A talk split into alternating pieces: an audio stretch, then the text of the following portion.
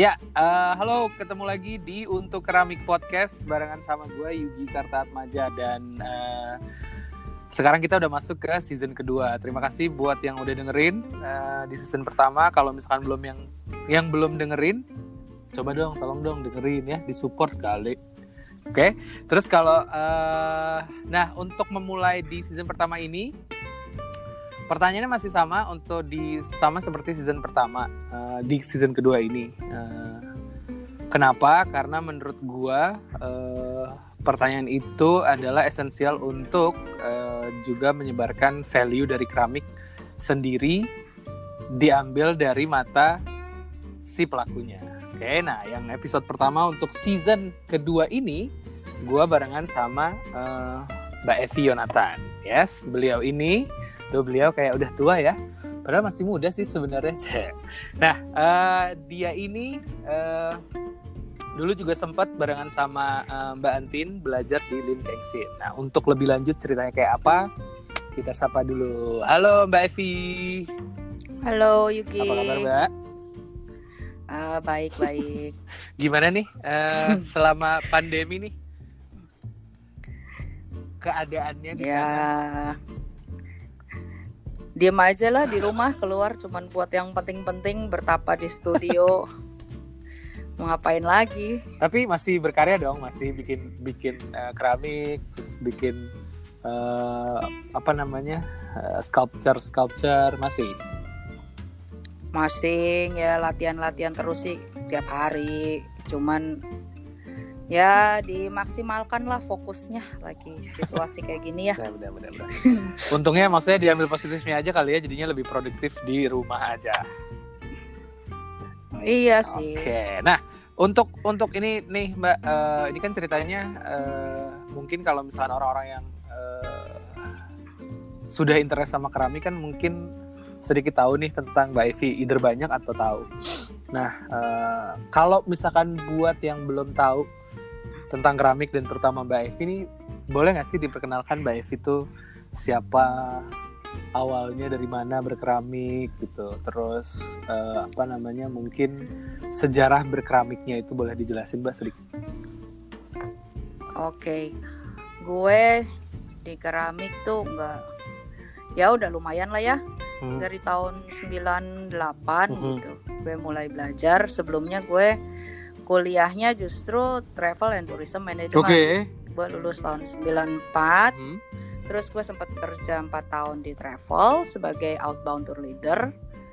Eh jadi pas Krismon hmm. bulan Februari lah tahun 98. Okay. Itu gue mulai belajar. Dua minggu sebelum gue di PHK gue udah mulai belajar di Lem Okay. Nah itu tuh berarti Mbak Evi udah tahu mau di PHK karena ketahuan Krismon dua tahun eh dua minggu ke depan atau emang mau belajar aja? Gue mau belajar sebenarnya udah dari tahun 9697 Aha. ya nggak tahu kenapa cuman kepikiran oh, kayaknya belajar keramik asik cuman karena kerja pulang juga udah jam berapa nggak mungkin lah okay. gitu. Nah sampai tahun 98 itu gue udah melihat gejala-gejala kayaknya gue tinggal menunggu waktu okay. dan gue nggak mau habis PHK itu gue diem aja di rumah. Jadi gue harus find something to do gitu kan. Ya akhirnya gue ke jalan lombok mm -hmm. lah gitu. Ketemu Pak Kengsin ngobrol-ngobrol. Terus gue bilang oke okay lah gue bela mulai belajar minggu depan. Oke okay, langsung tuh ya? Dan langsung. Dan kebenaran dua minggu setelah gue les gue kena di PHK jadi ya eh, kebetulan lagi gue bisa total fokus eh, kantor gue pindah jadinya tetap dari pagi sampai sore tapi di Jalan Lombok gitu. Oke oke oke. Berarti dari situ mulai tuh ya belajar di Lim Kengsin. Nah uh, ini tuh berarti satu angkatan sama Mbak Antin. Oh iya, Antin. Oh berarti geng Krismon ya, geng kena Krismon nih uh, uh, Haryo. Banyak lah. Banyak ya? Banyak dan syukurnya masih banyak yang bertahan juga gitu di angkatan yes gue. yes yes yes. Nah dari Lim Keng sendiri tuh mbak boleh diceritain sedikit tentang uh, di situ belajar apa? Terus mungkin kan mbak Antin juga kemarin sempat uh, cerita tentang pengalamannya belajar di Lim Keng itu kalau dari mbak Evi itu kayak gimana sebenarnya uh, gue mengalami masa yang berbeda. Jadi gue menganggap diri gue tuh betul-betul belajar di dia tuh dalam dua Mhm. fase. Yaitu fase awal pertama gue kenal keramik dari yang zero gue nggak tahu Mhm. apa-apa sampai fase kedua yang gue anggap itu pada masanya gue lost, gue nggak tahu mau apa di keramik mau Mhm. gimana dan gue mulai start belajar lagi di situ sama dia gitu. Jadi berbeda. Kalau pas pertama kita benar-benar diajarin basic Hmm. dari basic gemblong ngepin sampai gue eh gitu ya. Terus eh, belajar muter gue ngepin sebulan sampai gue eh gue bilang tolong deh gue mau belajar muter. Gue udah nggak sanggup lagi ngepin gitu. Akhirnya oke gue belajar naik meja Ah. puter ya kan belajar muter. Nah terus eh, belajar juga coil bener-bener dari basic. Masalah bakar juga. Kita diajarin susun tungku bakar biskuit bakar mateng oksidasi re- reduksi kayak gitulah Hmm. nah jadi eh, ya bagus banget Oke. gitu dia ngajarnya betul-betul ngajar dan kasih ilmunya luar biasa Oke. begitu juga di pada saat fase yang kedua meskipun dia lebih kendor jadi kalau fase pertama tuh kita pas awal-awal belajar menurut gue dia galak ya nah kalau yang fase kedua itu gue merasa lebih calm down Mhm. Dan eh, sangat berbeda Oke. cara mengajarnya udah sangat berbeda gitu Jadi lebih loose mungkin akhirnya di situ dibiarkan untuk eksplorasi kali ya. Iya, eksplorasi dalam berkarya dan juga pencarian jati diri kita sebagai keramikus. Oke. Kalau gue anggapnya di sisi kedua eh, di masa sesi kedua gue sama dia tuh seperti itu. Oke. Nah, untuk yang belum tahu nih eh, Lim Kengsin nih eh, para pendengar. Lim Kengsin ini adalah salah satu master keramik di Indonesia yang eh, sekarang sudah almarhum. Right? Dan muridnya itu banyak. Jadi kebanyakan eh, keramik yang ada di Jakarta maupun di luar Jakarta itu sebenarnya banyak murid-muridnya dari si Lim Kengsin sendiri. Nah, Mbak Evi, sambil eh, orang-orang ngedengerin podcast ini nih, kalau boleh eh, untuk Mm-mm. orang-orang yang pengen tahu Mbak Evi kayak apa, karyanya kayak apa, itu Instagramnya bisa lihat di mana sih Mbak? Evi Yonat. Evi Yonatan berarti at Evi Yonatan E V Y Yonatannya pakai TH ya. Eh, Iya. Oke, sip. Nah, itu tuh belajar kan, udah fase kedua, udah beres. Nah, dari situ tuh eh, mulai akhirnya punya studio sendiri di rumah. Tuh kapan? Dari belajar di eh, Kenshin. Eh, kayaknya sekitar 4 sampai 5 Oh, bulan. langsung ya? Iya karena sebetulnya yang pertama adalah faktor E. Lu ngerti kan faktor E? Kan kalau kita dari PHK kan kita ada uang, cuman kan you know, Hmm. kita kepake kepake kepake nggak ada penghasilan jadi kayaknya kalau misalnya gue bolak-balik ke sana agak berat Yes. jujur aja gitu. Akhirnya gue pikir cobalah eh, gue selang-seling misalnya Hmm. dalam seminggu gue hanya dua kali ke sana gitu. Mhm. Nah akhirnya gue pikir enak juga ya kayaknya punya studio di rumah. Mhm. Inilah studio studioan gitu masih di depan gudang dengan modal meja puter satu yang gue beli juga sama Mhm. dia gitu meja puter second sama tanah bakar aja gue masih di sana gitu Oke. masih numpang di studio dia. Terus sampai suatu ketika kebetulan gue dan beberapa teman gue yang pada saat itu belajar bareng, eh coba yuk bikin tungku dibantu sama Mas Adi. Oke. Nah, udah tuh, udah bikin tungku, udah punya tungku sendiri di rumah. Ya gue jadi lebih banyak latihan di rumah, belajar bakar di rumah gitu. Berarti itu eh, coba-coba berdasarkan apa yang waktu diajarin di Kenshin.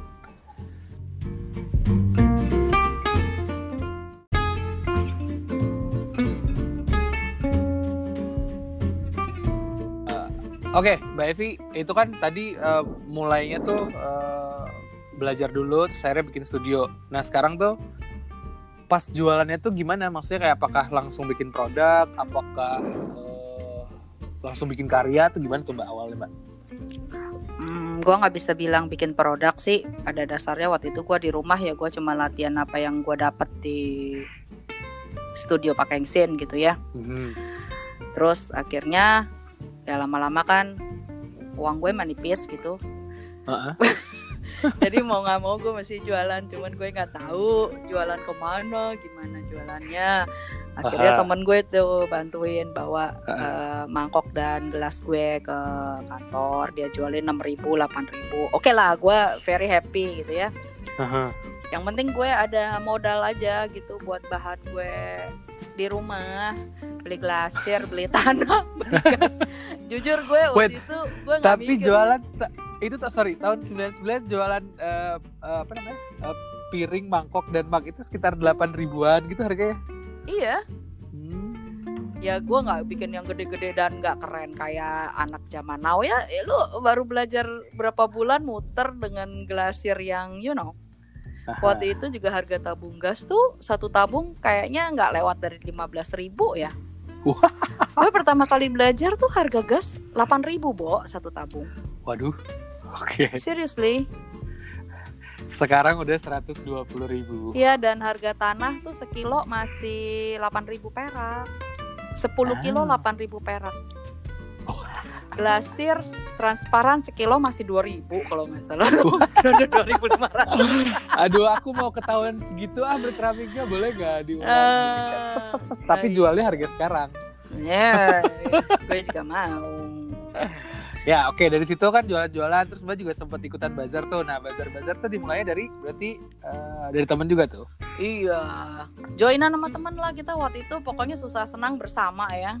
Kan kita Oke. masih belum pada punya tukang, masih bener-bener do it for fun. Aha. Jadi kita ikut bazar kedutaan di hotel-hotel, satu Mhm. meja lima orang, dua meja lima orang, enam orang. Dapet Siapa aja tuh mbak awal-awal? Aku, Antin, Adi, terus ada yang namanya Jo, sekarang dia udah nggak di keramik, terus Medina juga udah nggak di keramik, sama siapa lagi ya? Pokoknya sekitar 5-6 orang lah kita join. Oke. Mejanya harganya 200 ribu gitu, satu meja.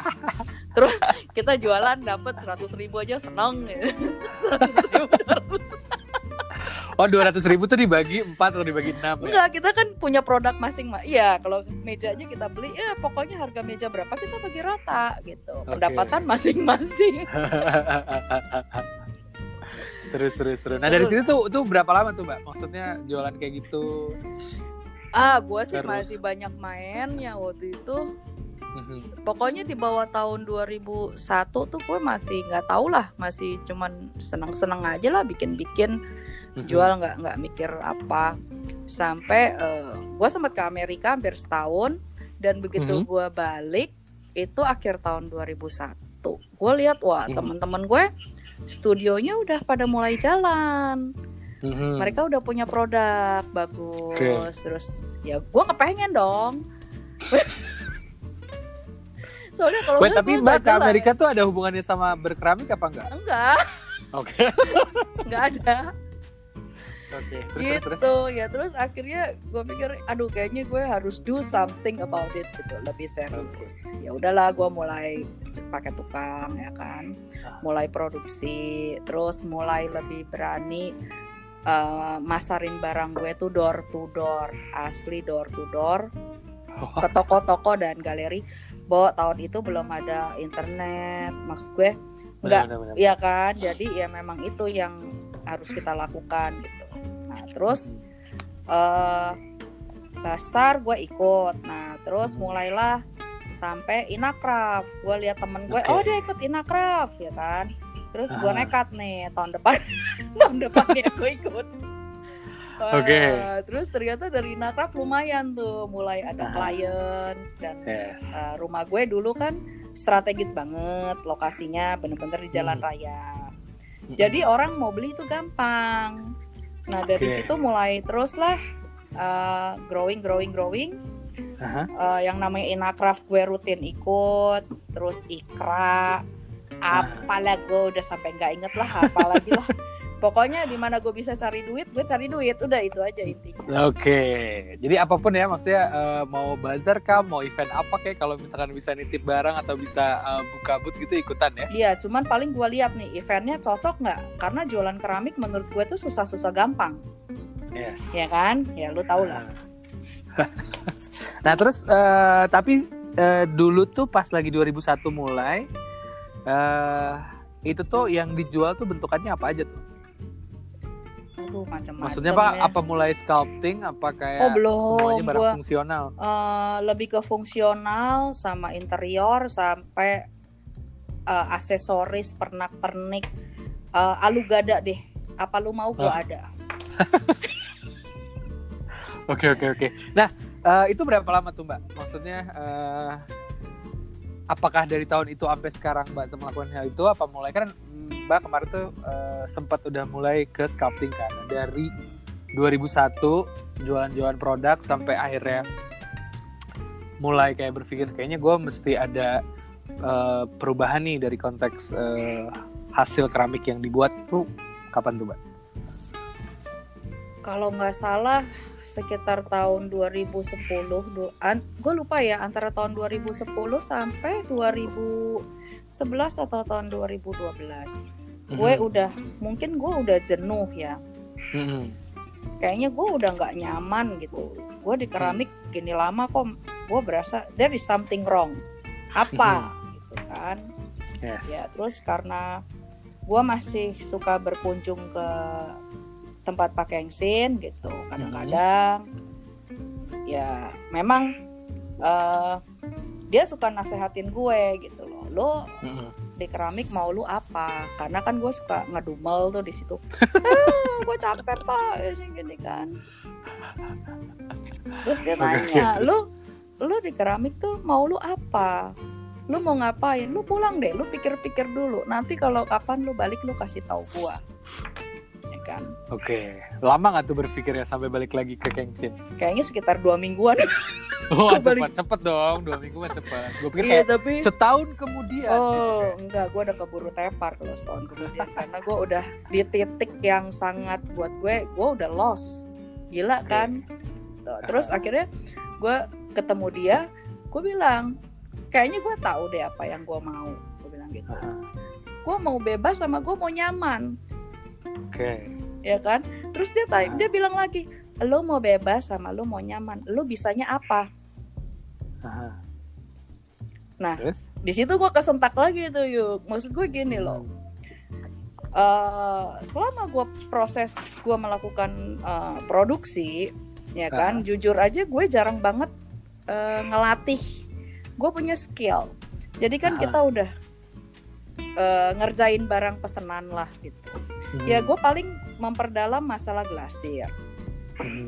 sama beberapa teknik yang bukan patung lah intinya ya khusus yang gue terapkan untuk produksi Yes. setelah itu gue nggak tahu apa-apa po terus ya gue gue mikir gitu kan cuman gue udah Hmm. suka sentil tapi masih belum ini ya lu lu belajar lagi lah lu kapan lu mau datang lu datang aja kita belajar lagi terus sudah Ah. beberapa saat gue nggak datang sampai suatu saat gue datang lagi ya gue ketemu Ah. anak-anak baru Oke. gitu loh dan sebenarnya itu titik gue oh kok gitu Oke, berarti maksudnya setelah datang lagi Kenshin, terus ngelihat anak-anak baru yang belajar di Kenshin itu eh, banyak bikin eh, bentukan yang tidak biasa, akhirnya di situ lo ini ya, apa sih ter jadi semangat gitu untuk akhirnya lo menemukan jati diri lo lah di keramik gitu. Iya semangat dan malu sih sebenarnya gue sama diri gue sendiri jujur aja Gue mau ngomong sih tapi gak enak jadi gue tunggu lu aja yang ngomong. malu gue terus ya gue perhatiin kalau gue kan gitu ya jujur gue tuh belajar banyak dari teman-teman gue dari Ah. hal apa pun di keramik gitu ya Ah. gue gue melihat gitu loh cuman Ah. gue aplikasikan udahnya ke diri gue sendiri cuman gue gue perhatiin lah terus gue Ah. mikir gitu wah ini kok anak baru ya ibaratnya Hmm. udah bisa begini gue bisa apa ya Oke. kan gue pusing dong Iya, iya, iya. akhirnya sejak itu ya gue baru inilah gue belajar jadi eh, pada saat itu juga untungnya Kengsin lagi banyak bereksperimen dengan cara bakar. Yang jauh Mhm. lebih simpel eh, yang sangat bukan bakar konvensional lah gitu. Hmm. dan juga lagi eksplorasi bentuk dan macem-macem. Mhm. jadi ya momennya pas lah untuk gue belajar. Sekarang tergantung dari gue nya aja. Lo mau belajar apa enggak gitu Ya, ya, ya. kan dari situlah awalnya gue belajar patung Oke, nah itu berarti di tahun 2012 dulu. 2000 ya sekitar gitulah 2012 Nah itu tuh berarti eh, 2012 sekarang 2020 selama eh, 8 tahun itu menjadi jati diri lo berkeramik apa itu kayak satu fase eh, lo aja nanti mungkin setelah dari sini lo akan tiba-tiba berubah lagi gitu. Yang pasti eh gue nggak bilang gue akan menjadi ini seterusnya karena kita sebagai Mhm. manusia kan harus terus bergerak Betul. tapi eh gue menemukan jati diri gue dan gue lebih kenal keramik itu apa gue maunya apa gue lebih pede sama karya gue dan lain-lain ya di masa dari tahun itu sampai sekarang gitu Aha. Gitu. Terus udah gitu eh, apa namanya? Kan lo terakhir tuh pameran tuh. Mm-mm. Eh, dan isinya kebanyakan sculpting. Boleh cerita nggak eh, sedikit tentang si eh, pamerannya apa dan karyanya apa? Oh, pameran yang di orbital ya, terakhir ya. Yes. Ya itu bisa dibilang sculpting semua sih. Aha. Nah itu kan figurnya adalah figur anak-anak semua tuh ya. Iya. Nah itu tuh boleh diceritain maksudnya figur itu sendiri eh, si anak-anak itu hmm, konsep di balik itu semua. Sebenarnya konsepnya itu eh, judulnya kan You Are My Home, My Mhm. Wonderland. Mm-mm. Eh, gue berpikir bahwa gue menganggap studio gue tuh sebagai wonderland gue, Mhm. ya kan? Mm-mm. Di tengah Jakarta untuk gue pribadi ya, Jakarta itu sucks banget daily life-nya tuh, you know, ya kan? Yes. Dan gue eh, bisa dibilang dalam tanda kutip gue melarikan diri gue Aha. di studio gue setiap hari.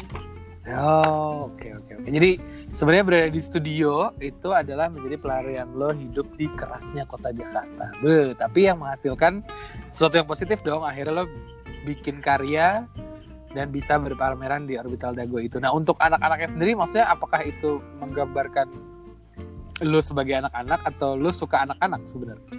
Enggak juga sih.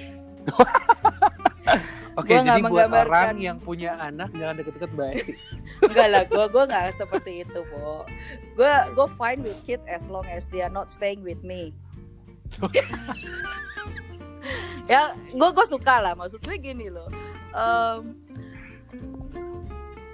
secara eh, nggak sadar, kayaknya gue menganggap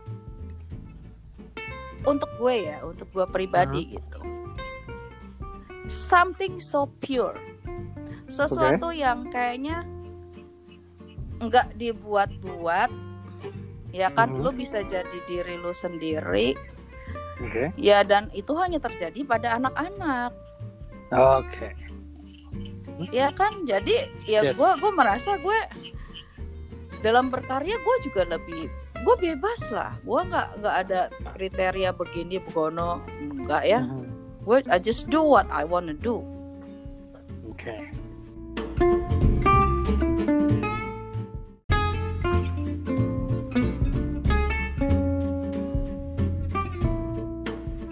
Sip, kalau gitu, nah buat kalian yang lagi-lagi kalau misalkan pengen tahu eh, Mbak Evi itu karyanya seperti apa, tadi bisa lihat di Instagramnya @evi Yonatan, eh, Evi-nya pakai Y, Yonatannya pakai TH.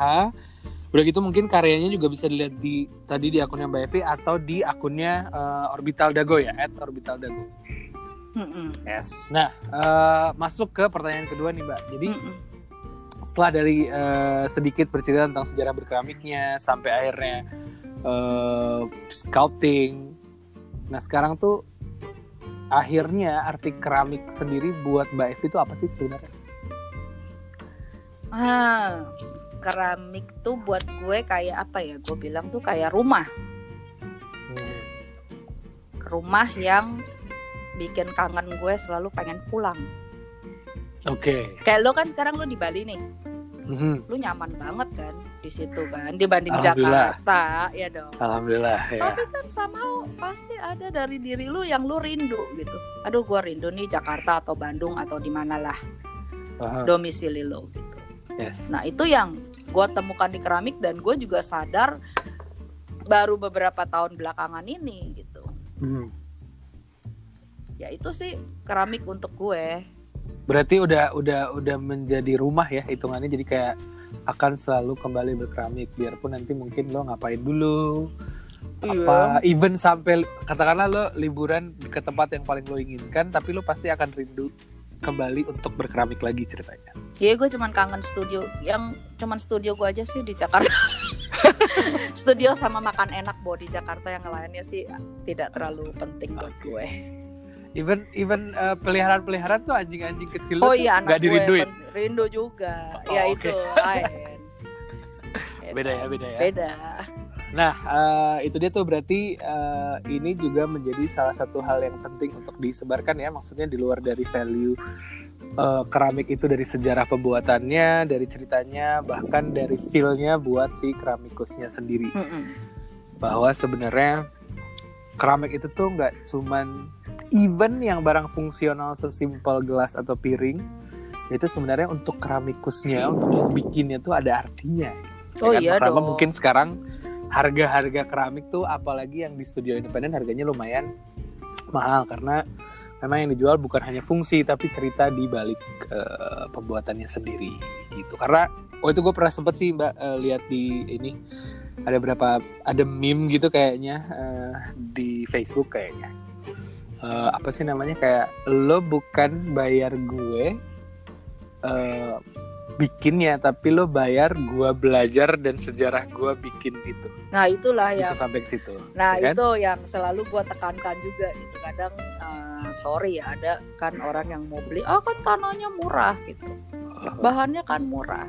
Dan gue selalu bilang memang bahannya mungkin murah tapi saya punya waktu sekian tahun. Hmm, untuk belajar bisa sampai ke sini itu yang nggak bisa Yes. dibayar. True true itu ya kan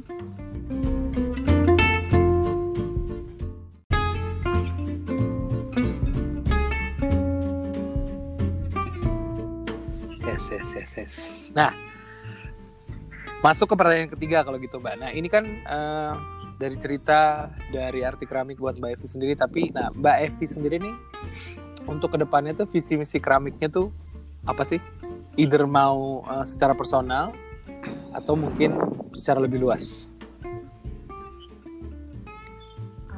Kalau gue sih cuma mikir untuk diri gue sendiri ya dengan keramik tuh semoga Mhm. gue bisa terus berkarya sampai akhir sebisanya gue oke dan ju- tapi eh, gue pengen juga lebih eh, explore gue lebih Mhm. bisa mengenal teknik terus material bahan baku ya kan Mm-mm. teknik bakar banyak lah eksplorasi yang kayaknya kalau di keramik tuh lo ay tergantung lo gitu lo mau mainnya sampai mana sih gitu Mhm. ya kan itu aja sama bisa lebih ya semoga bisa lebih aktif berpameran lah Oke. Nah, eh, tapi kalau misalnya untuk secara lebih luasnya nih, mungkin apakah eh, apa namanya? Apa mungkin yang bisa Mbak Evi share buat anak-anak yang sekarang baru nih, bukan baru lah ya. Eh, maksudnya yang sekarang-sekarang mulai tertarik sama keramik, eh, terus eh, ada mulai bermunculan studio-studio baru, atau pelaku-pelaku keramik baru, ada mungkin pesan-pesan buat mereka. uh gue surprise banget loh dengan banyaknya studio keramik ya. Happy sih gue maksudnya eh refreshing lah gitu. Spiritnya itu kan bisa gue ambil cuy eh benar benar benar benar. Spirit Iya kan? kemudaannya ya, semangat kemudaannya spirit diambil. kemudaannya ya kan meskipun gue flashback aduh gila dulu gue juga begini ya gitu Nah. cuman well it's in a different way gitu Yes, yes, yes. ya semoga pemainnya bisa lebih tambah banyak karena masih dikit banget pemain Ah. keramik tuh meskipun sekarang juga tambah banyak kan. Ya. Yang potensial-potensial gue lihat juga banyak. Terus. Cuman kalau jualan kayaknya mereka udah lebih jago dengan segala teknologi apalah gitu yang ada sekarang ya. Cuman ya kalau keramik tuh kan aneh ya. Di satu sisi tuh dia eh, bikin lu apa ya? Kerja setengah mati lah ibaratnya. Ya kan? Mm. Kerja setengah mati eh, tapi berat gitu. Nah, sisi lainnya adalah dia bisa menyentuh hati lu yang paling dalam. Wih, oke. Very sensitive Yes, gitu loh. yes. Kalau gue bilang in a spiritual way, Mhm. ya kan? Nah, sama eh, kalau udah mencapai taraf itu, Mhm. kayaknya tinggal ngejos aja sih, nggak usah banyak mikir begini begono, begini begono. Ya. Hajar terus, sama harus bergaul ya. Lu tahu kan kerja keramik itu kan sangat soliter, Yes. sendiri di studio. Kalau gue beruntung gitu, gue punya temen-temen yang gila kita udah main dari tahun 98 bo sampai sekarang ya kita masih deket gitu. Plus punya teman-teman lagi kan yang muda-muda. Mhm. Nah jadi kayaknya teman-teman itu perlu untuk eh, semangat lah spirit. Gue Mhm. bilang bohong lah lo kalau di keramik bisa semangat terus. Pasti iya ada sih. saatnya Hmm. ada saatnya tuh up, ada saatnya lu down sedown-downnya gitu. Yes. Nah, pada saat lu down kan you need friend, Support. support, friend support gitu, Yes. apa pun itu. Dan juga gue berharap ada komunitas yang lebih oke lah, Ah, lebih banyak eh, komunitas yang maksud gue yang aktif ya, bukan cuman aktif cuman pas eh ini kita jualan bareng yo, eh ini apa, ya kan? Yes. sama inilah eh, kesempatan untuk berpameran lebih banyak khusus keramik aja tapi Oke. itu kan jarang banyak itu kan jarang banget kan Yes. nggak setahun sekali dua tahun sekali lo ada Iya. Nah, gue harap itu ada tuh infrastrukturnya tuh bisa sampai ke situ. Yes. Benar juga sih.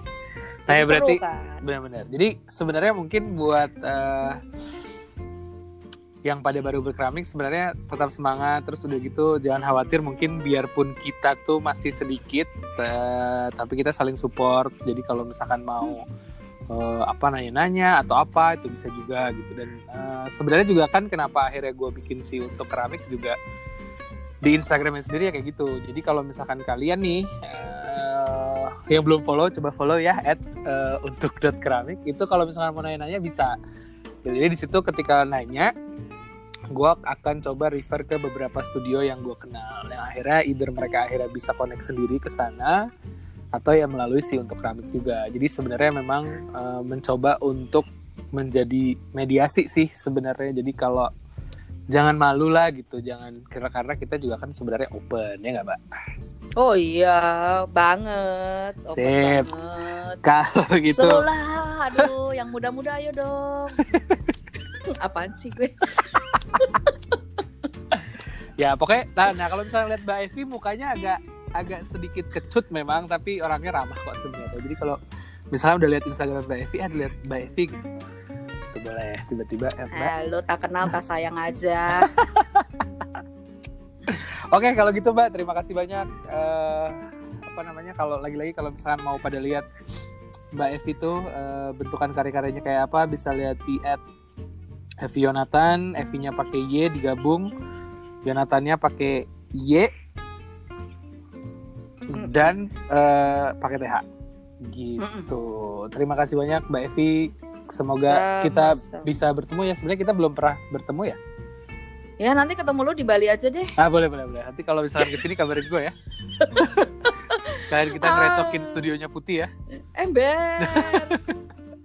Oke kalau gitu Mbak Evi terima kasih banyak. Eh, lagi-lagi buat yang dengerin kalau misalkan mau nanya-nanya bisa lewat DM di untuk keramik atau di via anchor ini juga bisa. Terus kalau misalkan kalian pengen tahu atau nggak pengen eh, nge-refer satu seniman keramik atau uh, studio salah satu studio yang ada pengen dibahas di sini boleh di DM untuk keramik. Oke, Mbak Evi sekali lagi terima kasih. Sama-sama, gue juga terima Kalau kasih. begitu, dadah.